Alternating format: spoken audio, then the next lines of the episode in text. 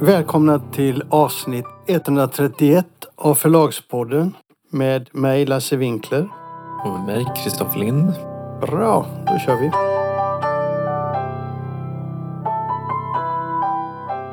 Jag brukar alltid fråga dig emellanåt sådär, vad som händer på förlaget. Mm. Och ibland har du en del intressanta grejer att berätta. Ibland tycker du bara frågan är löjlig. Nej, men jag tycker oftast frågan är löjlig för det händer ju alltid. Eh, det- är massor av saker och det beror ju på liksom vilken del av förlaget man tittar på och sådär. Men eh, vi håller ju liksom, vi jobbar ju på, i Sverige så håller vi ju på med vi, säljer, vi har precis sålt in sommarens böcker. Vi håller väl på redaktionellt med sommaren och höstens böcker. Och sen så tittar vi ju på, på nya saker för nästa år. Vi har ju ganska mycket som redan är inbokat nästa år, 2023. Men jag är egentligen ute efter en annan grej som jag vet. Du överraskade mig totalt. Jag hade ingen susning. Mhm. Plötsligt så frågade du mig, kan du titta på den här texten? Och då blev jag väldigt överraskad. Det var ju ditt, eh, din ledare till eh, Vårens böcker. Mm. Du kanske, du kanske ska ta över nu. Det var liksom en ingång för att du skulle ta över där till... Eh, Ja, nej, men jag vet inte varför du blev egentligen förvånad. Men eh, vi, vi ska ha en ny klassikerserie till sommaren eh, som kommer att vara en kvinnlig klassikerserie. Ja, Och jag vet inte vad det var som gjorde dig mest förvånad om att det var en klassikerserie eller att det var kvinnliga klassiker. Eller... att jag inte hade hört någonting om detta förrän det var Jaha. ett faktum Mm. såklart. Nej, men jag berättar ju inte allt för dig. Nej, konstigt nog. Men du, eh, berätta lite. Vad är detta? För det kommer att överraska fler än mig. Var, eller rätt sagt, varför ska du ha en kvinnlig klassikerserie till att börja med? Mm, nej, men vi har ju, Rino Company har ju alltid haft, eh, även om det inte varit så mycket de senaste åren, så har vi ju alltid haft ganska mycket klassiker. Det var ju så som jag började förlaget en gång i tiden. Sen har det blivit lite mindre och eh, det är ju väldigt mycket en, en, en helt enkelt en konsekvens av att jag inte haft tid och inte kanske heller haft lust. Det var ju höstas faktiskt som eh, vi hade en middag och då så säger Anders Hemming som är, säljer böcker för, på Hemming och Bagfeldt så sa han Kristoffer det är väldigt tråkigt att det är så lite klassiker på Lind Company nu för tiden. Det skulle behövas på listan någonting som var lite, lite annorlunda och lite, lite oväntat. Och då så gick jag hem och tänkte på det där och fick en väldig lust att starta en klassikerserie igen. Och eh, en enorm energi och läslust. Så att jag, jag gick hem och tänkte och funderade och det har funnits tankar på en kvinnlig klassikerserie sedan tidigare. Vi, när vi tog över författarförlaget eller Fischer Company som tidigare var författarförlaget så hade de faktiskt en kvinnlig klassikerserie som bara dessvärre gav ut fem titlar. Och jag har haft det tidigare en, en tanke om att vi ska dra igång en sån men det har liksom inte blivit av så, så nu blev det av i alla fall. Mhm. Hur tänkte du? För det finns ju tusen olika varianter här. Det finns tusen olika valmöjligheter. Så hur tänkte du då? Jag tänkte att det skulle vara en serie med i första hand moderna klassiker, alltså 1900-talsklassiker för att det, är- det är ju där som de mest spännande och aktuella titlarna finns. Jag tänker mig också att det ska vara litterära klassiker och inte liksom idéhistoriska klassiker eller filosofiska klassiker eller vetenskapsklassiker på det sättet. Det får gärna vara feministiska klassiker men det ska vara liksom stora författarskap. Det ska vara litterärt intressanta texter. Inte texter som kanske har liksom varit politiskt liksom, fått stort genomslag eller så. Och sen, sen är också min tanke att det, det ska vara väldigt lite svenskt. Kanske ingenting alls. Gärna lite nordiskt och, och så. Ambitionen är att det ska vara väldigt lite eller ingenting anglosaxiskt amerikanskt.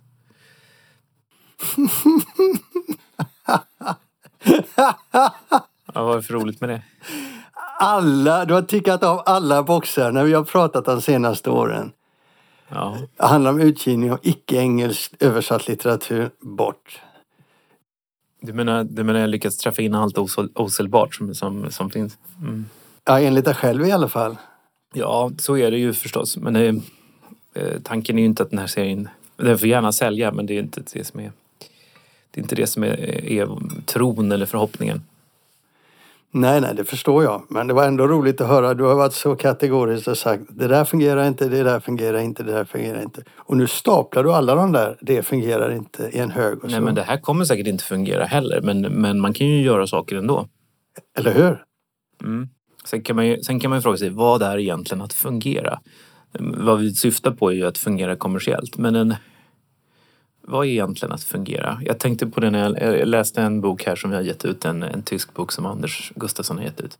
Hur många har läst den här boken? Kan det vara 50 personer? Är det bra eller är det inte bra? Och då är det utsiktspunkten som avgör vad du menar med bra helt enkelt då. Ja, jag menar, kommersiellt kanske inte så bra men det kan ju vara fantastiska läsupplevelser för de där 50 personerna. Det kanske är en bok som har gjort skillnad. Det är ju väldigt svårt att mäta vad som är bra om man tar bort ekonomiska, ekonomiska aspekten. Det kommer alltså smälla på Richterskalan när folk hör dig prata sådär. Hur gick du tillväga nu när du gick hem efter att ha pratat med Anders Hemming? Och fick lust menar jag. Hur gick du tillväga då för att få den lusten? Nej, men jag, jag fick framförallt en läslust. Och eh, sen gick jag hem och började kolla mina egna bokhyllor och så började jag fråga lite folk vad de skulle vilja ha i en sån här serie. Jag fick väldigt lite svar, ska jag säga. Många har synpunkter men väldigt få har idéer. Och sen så började jag, jag gick till stadsbiblioteket och lånade massa böcker och började läsa och titta och sådär. Eh, och det är ju väl en process som fortfarande pågår. Men vi har två titlar då som kommer till sommaren och sen så är tanken att vi ska ha två per säsong och att det kanske sen går ner till en per säsong. Vi får se. Hur länge har du tänkt att den här serien ska kunna eh, hålla på? Jag vet inte men det, det, det beror ju lite på hur den går och då syftar jag kanske inte så mycket på ekonomiskt för att jag utgår från att den kommer gå dåligt. Men jag, om ingen bryr sig så finns det ingen anledning att hålla på. Det måste ju finnas någon, någon som tycker att det är kul. Mer än vi på förlaget. Men du säger att du vill hellre ha moderna, alltså 1900-talsförfattare då, eller vad menar du? Moderna författare? Ja, det vill jag helst ha. Och det beror ju lite grann på att om man tittar på många, många tidigare klassikerserier så är det ju, om just man tittar på kvinnliga, kvinn, kvinnliga författare så är det ju samma som återkommer hela tiden. Det är Jane Austen såklart, som är ju en väldigt läsvärd författare fortfarande, rolig att läsa. Cora Sandel, det är drottning Kristina, det är Victoria Benediktsson, det är, ja, det, det, är samma, samma namn som dyker upp hela tiden.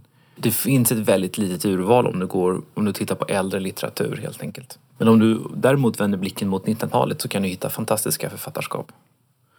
Och eh, man kan ju man, man kan också fråga sig vad är en klassiker och det gäller ju även jag vill inte ha en, det vore kul också att ha en, en, eh, en filosof, eh, liksom en, en idéhistorisk eller vetenskaplig klassikerserie. Men det är ju någonting annat. Så att man vill ju ha litteratur och då och gärna litteratur som går att läsa fortfarande. Och då är ju 1900-talet en fantastisk källa att ösa ur.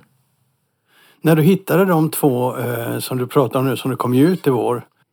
Mm. Hur resonerade du runt de två författarna? Var hittade du dem? Kanske ska säga vilka de är. Det är Christa Wolf som är en tysk författare och sen är det Nathalie Sarot som är fransk författare. Det, det är då icke, icke-nordiska, icke-svenska författarskap, europeiska författarskap och två väldigt viktiga i tysk respektive fransk litteratur. Nathalie Sarot, hon ansågs vara en av de främsta företrädarna för den franska romanen, för den nya franska romanen som ju också i sig har varit väldigt betydelsefull. Och ja, det är två fantastiska böcker helt enkelt. Men det finns ju självklart jättemycket att läsa men det, det är ju en kombination av när man väljer så ska det ju vara sånt som man tror att folk ska vilja läsa i kombination med att det ska finnas, att det ska vara angeläget att de ges ut på nytt för att de har sådana bestående litterära kvaliteter i kombination med att de inte har getts ut nyligen eller inte finns. Det finns ju också väldigt mycket bra klassiker som faktiskt är tagna eller redan utgivna det finns ju några titlar som jag jättegärna skulle vilja ha men, men eh, Norstedts har gett ut en hel del bra saker nyligen tycker jag. Diamanttorget exempelvis som är en jättefin bok. Men när du gör sådana här saker eh, så är det klart att du som förläggare funderar grundläggande vilka principer du ska bygga det här på. De, de har du gett mig nu. Men vem är det som ska hantera den här klassikerserien sen? Är det du hela vägen? Urvalet står jag för faktiskt, ja. Det var, det var inte tanken från början men så blev det ju nu. Mm. Är det någonting mer som du tycker att våra lyssnare skulle veta när det gäller en sån här satsning? Ja, alltså man kan, en sak som jag, tyckte, som jag tycker är lite kul det är att eh, jag har tittat mycket på de klassikerserier som har funnits i Sverige på förlag. Och framförallt har jag tittat på de, som, som de, de stora klassikerserierna. Forum hade ett bibliotek som hette Forumbiblioteket. De gav ut böcker fram till 99, jag tror att det är över 400 utgåvor eller någonting sånt där. Det är otroligt få kvinnliga författare som är med där. Det rör sig om kanske ett dussin. Och Naturkultur har imponerande nog en klassikerserie som heter Levande litteratur som fortfarande pågår. Och den kom ut, egentligen tror jag att den, den lanserades, nylanserades 57 men den kom ut redan några titlar på mitten av 20-talet. Vilket är i linje med naturkulturs utgivning i stort är det väldigt mycket filosofiska texter, det är mycket det är historiska texter och så. Men det är också naturligtvis litteratur. Men den sträcker sig från antiken och framåt och då blir det ju väldigt få kvinnliga författare som är, som är tillgängliga att välja bland. Jag fick det faktiskt till sex stycken kvinnliga upphovsmän i hela den serien från 1925 och framåt. Det finns väldigt få kvinnliga författarskap utgivna i såna här serier. Tre vi hade någon serie också som, som det kom ut lite titlar i. Det är ju ingen originell tanke på så vis men det, men det, eh, det finns väldigt mycket bra böcker att ge ut. Ja. Du, vi släpper den där. Jag, mm. Men jag hävdar fortfarande att du överraskade mig totalt. Jag hade inte väntat mig det inspelet. Nej.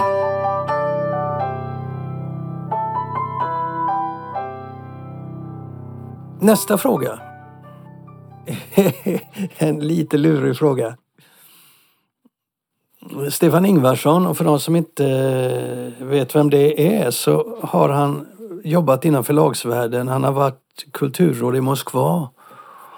Han har jobbat på Norstedts, han har jobbat på Författarförbundet och han har ju också jobbat en gång på Modernista. Just det. Han skrev ett inlägg på... Eh, Facebook var det. Var det Facebook? Får man läsa upp det eller tycker du... Är det dumt? Eh, ja, alltså det här var ju, skrev han Han har ju många vänner och han delade detta. Han har 2491 vänner. Det här, det här måste han vara beredd på att det kan citeras. Så här skriver han. Jag ska, jag ska bara citera lite grann ur det här långa inlägget. Hur mycket kan författare gnälla över recensioner, priser och stipendier? Det finns ingen botten på den mängden, visar empirin på sociala medier. Hur blev det så här? När jag arbetade på förlag för snart ett decennium sedan rådde det ändå en slags konsensus kring att vi skulle avråda författare från att bemöta kritik. Och du reagerade direkt. Ja, alltså vi är ju ständigt på jakt efter ämnen till podden och jag tyckte att eh, han sätter fingret på någonting här. Jag har själv reagerat i mitt flöde. Eh, inte eh, på två grejer kan man säga. Han är ju, han är ju konkret här. Han är ju, han är ju på Eh, på författare som blir arga över att de inte är med på Storytel Awards eller som inte har fått eh, stipendier av Författarfonden. Det har varit väldigt mycket sånt gnäll. Jag tror att det är det, i synnerhet det han syftar på för det har varit några där som har varit skamlösa i sin kritik av Författarfonden. Ehm, så det, det, det, har jag också faktiskt reagerat på. Eh, sen har jag reagerat rent allmänt på att väldigt många författare hela tiden jämför sig på Facebook och Instagram. Det finns ju en kategori som ständigt lägger upp bilder på sig själva när de har eh, skrivit ett nytt avtal eller när en bok har sålts till ett nytt land eller när en bok är i närheten av en topplista. Och det är ganska tröttsamt. Men, men, eh, men, men det är egentligen någonting helt annat. Men vad då menar du? Vad då något helt annat? Ja, alltså det är ett uttryck för hur sociala medier kan gör oss till monster. Men eh, det är egentligen ett uttryck för eh, en slags eh, narcissism som, som, som de här sociala medierna föder och en att författare inte alltid förstår att de måste ge någonting, att de måste vara lite ödmjuka. Det, exempelvis i de här grupperna som finns, Snacka om ljudböcker och vi som älskar ljudböcker, så det, kan man göra författarinlägg. Eh, och det där är någonting som en del inte förstår. Att man måste liksom också ge tillbaka ibland eh, och inte bara komma in och tipsa om sina egna böcker. Eh, utan att det där är liksom ett samtal om böcker och lyssningar som pågår. Och att det är liksom den här oförställda, skamlösa reklamen, den, den är liksom bara kontraproduktiv. Eh, det, jag är fascinerad över hur, hur eh, tondöva vissa är. Mm, jag brukar, eh, i ärlighetens namn, jag försöker faktiskt undvika de plattformarna just på grund av de, eh, de sakerna. Jag blir bara generad när jag läser sådana inlägg. Ja, jag undviker också en del av sådana här plattformar men just eh, snacka om ljudböcker och vi som älskar ljudböcker, eh, de följer jag ju. Jag ser ju i mitt flöde hur många har då gnällt. Det har nyligen varit stipendiefördelning från Författarfonden och det är väldigt många som har varit väldigt arga och, och, och sådär. Det är något nytt. Stefan Ingvarsson sätter fingret på någonting som är nytt. Det är en helt ny tid där man det är inte skamlöst att säga att jag borde ha fått det priset. Jag borde ha sålt bättre. Jag borde ha det är någonting som har, en, som, har, som har blivit nytt, som har förändrats. Kanske är det bara så enkelt att det är, det är bara en knapptryckning bort att ge uttryck för sin irritation eller frustration. Mm. Vi släpper det här. Ja.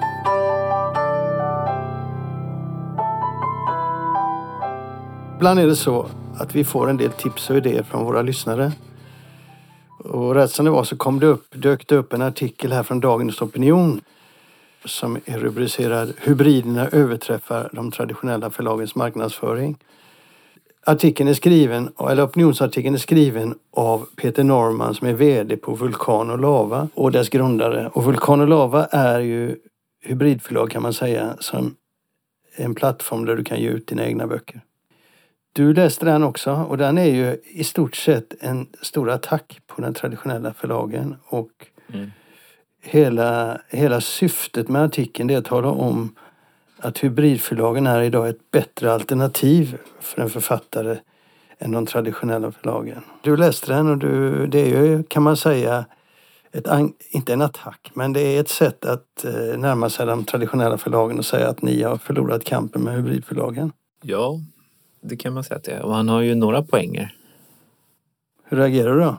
Man kan väl säga att en, en sån här artikel hade säkert skrämt upp många förlag och förläggare för 10-15 år sedan när det var lite oklart vad alla de här självutgivningsmöjligheterna skulle medföra och vad print on demand skulle medföra. Men idag så har vi ju inte facit för det kan alltid förändras. Men vi vet att det är väldigt svårt att nå ut i bruset och vi vet att de traditionella förlagen har blivit väldigt, eller är väldigt duktiga på det. Han driver ju en tes om att just i den digitala världen och då inte minst ljudböcker så är det så mycket lättare liksom att, att läsaren bryr sig inte om vad det står för förlagsnamn på, på omslaget eller så. Och det har han ju helt rätt i.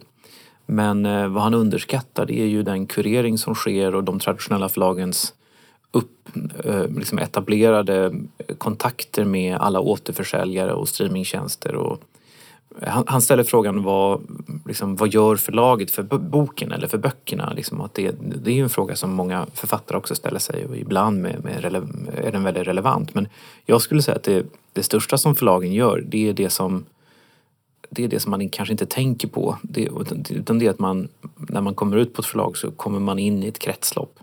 Där väldigt mycket sker per automatik, liksom att titlar presenteras för återförsäljare och man kommer in i avtal som man annars hade legat utanför. Och man får ta del av liksom en plattform kan man säga, som man annars inte hade fått ta del av. Och det betyder så oändligt mycket mer än att ligga utanför allt det där. Men med det sagt så, så tycker ju jag att eh, de här, de här självpubliceringstjänsterna är ett bra alternativ och att de fyller en väldigt viktig funktion. Det här är ju en eh, säljpitch. Ja, det är det ju. Kolla så bra vi är och vi är bättre än de vanliga förlagen. Så vill du nå ut idag så ska du gå till ett hybridförlag. Men jag, jag fnissar ju mest när jag läser den här just för att han tar i, han tar i från, eh, liksom, från fötterna uppåt när han ska tala om hur bra hybridförlagen är och hur dåliga de traditionella förlagen är. Varför tog vi upp det här? Jag vet inte, det var för att vi fick ett tips om det av en lyssnare som tyckte att det var intressant. Vi har ju talat om hy- hybridförlag tidigare också. Ja, det har vi gjort. Men varför den här kanske inte är tillräckligt läst den här artikeln för att vi ska kunna använda den?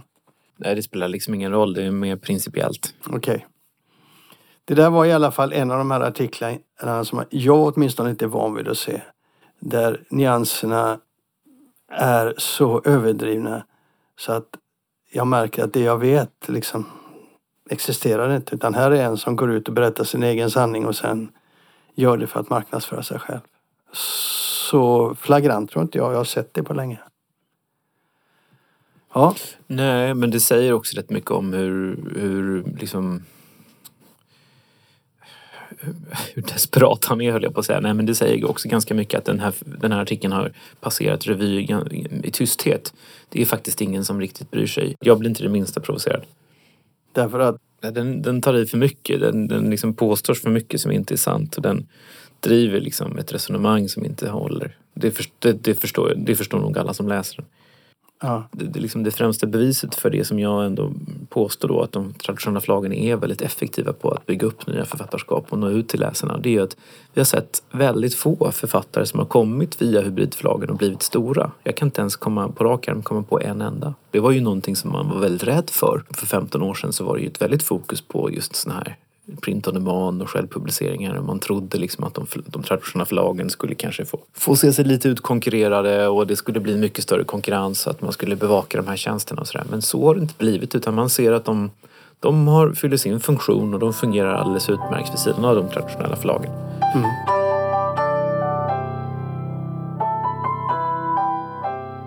En utländsk eh, nyhet som ändå är intressant att berätta för våra lyssnare det är att Bertelsmann i Tyskland och Nederländerna.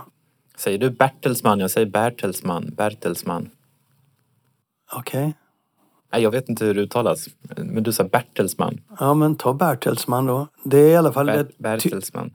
Det är det tyska mediaföretaget som äger eh, Penguin Random House och därmed äger den största eh, allmänutgivande förlagsgruppen i världen. De har, kommer att lansera i år en eh, streaming service som heter Multimedia Streaming Service kallar han det. Och eh, det innehåller då video, det innehåller eh, artiklar från deras tidningar och böcker, ljudböcker från eh, Penguin Random House. Så småningom. Och det som är intressant med det är ju att Penguin Random House har ju tagit beslutet att inte inte satsa på strömmande eh, formatet utan det är styckförsäljning ska ske. Och det kommer också vara styckförsäljning på den här plattformen medan allt annat är strömmande. Det är lite intressant hur de ska lösa det.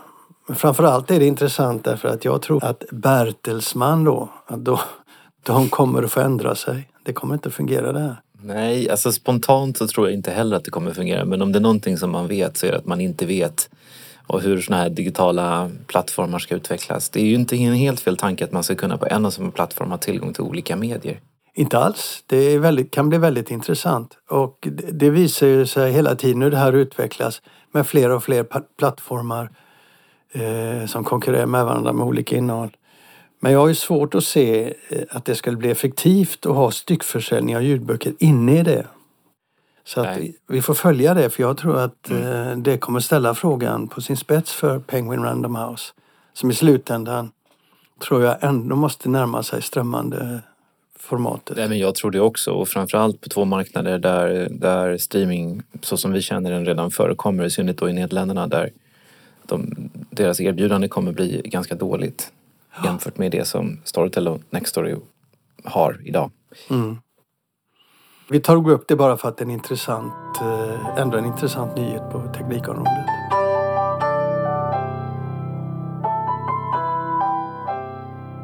Det var Åsa Bäckman i Dagens Nyheter som skrev en krönika för, för ett tag sedan som eh, handlade om att läsning och läsförmåga är ju en väldigt viktig egenskap om man vill göra en klassresa och att det är språket är liksom en förutsättning för att ta till sig ny kunskap och läsa vidare och såna saker. hon menade på att det är ett stort problem ur den aspekten inte minst.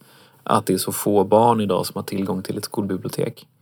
Och då kom hon med siffror som för mig var rätt så förvånande, nämligen att 500 000 barn saknar tillgång till ett skolbibliotek idag. Det var ju överhuvudtaget en bra, eh, en bra krönika som satte fingret på någonting som är väldigt aktuellt just nu. Jag tror att frågan eh, är uppe, eller kommer upp, eh, både genom Förläggarföreningen, Bokhandlarföreningen, Författarförbundet. Alla är på den här frågan, i alla fall i utkanten av den. Jag har liksom alltid älskat skolbibliotek sen jag själv gick i skolan och fick eh, låna Tom Wolfs Trippen när jag gick på gymnasiet. Då hade vi ett sånt där bibliotek med en, en bibliotekarie. Så frågade jag, jag hade läst om boken, så tänkte jag jag får gå in och fråga om de har den. Och då gick hon fram till ett giftskåp. Med, med, som var låsta dörrar. Och så sa hon, ja, sa hon. Och så tog hon fram den och tittade lite på den. Och sa, ja, nej men jag litar på dig. Du verkar ha gott omdöme. Du får lov att, att, att låna den här. Så det var inte för vem som helst. Det, det var ju lite märkligt. Men mm. jag kommer ihåg hur roligt jag tyckte det var att gå i det biblioteket. Det betydde väldigt mycket när jag eh, började läsa. Och så har jag sett hur det har blivit värre och värre och värre. Och idag så till exempel eh, en friskola idag har ju inga krav på sig att fixa de biblioteken. Eller rätt sagt, de fixar det nästan aldrig. Så att det har ju bara blivit sämre och sämre. Så jag tycker det är bra att man fokuserar på det. Vi lär väl återkomma till den frågan för jag tycker att den är, hon har rätt i det. Det är en extremt viktig fråga att det finns eh, skolbibliotek. till alla barn. Mm. Och i synnerhet där, eh, där liksom det är väldigt svårt att få fram pengar. Det är där de behövs som bäst. Jag undrar vad det skulle kosta och, och liksom... Så det, handlar, man kan, det är få problem som går att lösa genom att hälla, över pengar, hälla pengar på, på saker. Men, men jag undrar vad det skulle kosta att liksom se till att det fanns bibliotek överallt. Jag tror det kostar väldigt lite nämligen. Men det, jag tror inte att det är så dyrt som man tror. Dessutom måste vi ha nya läsare. Ja, det måste vi också ha. Förlagen behöver nya läsare, författarna behöver nya läsare.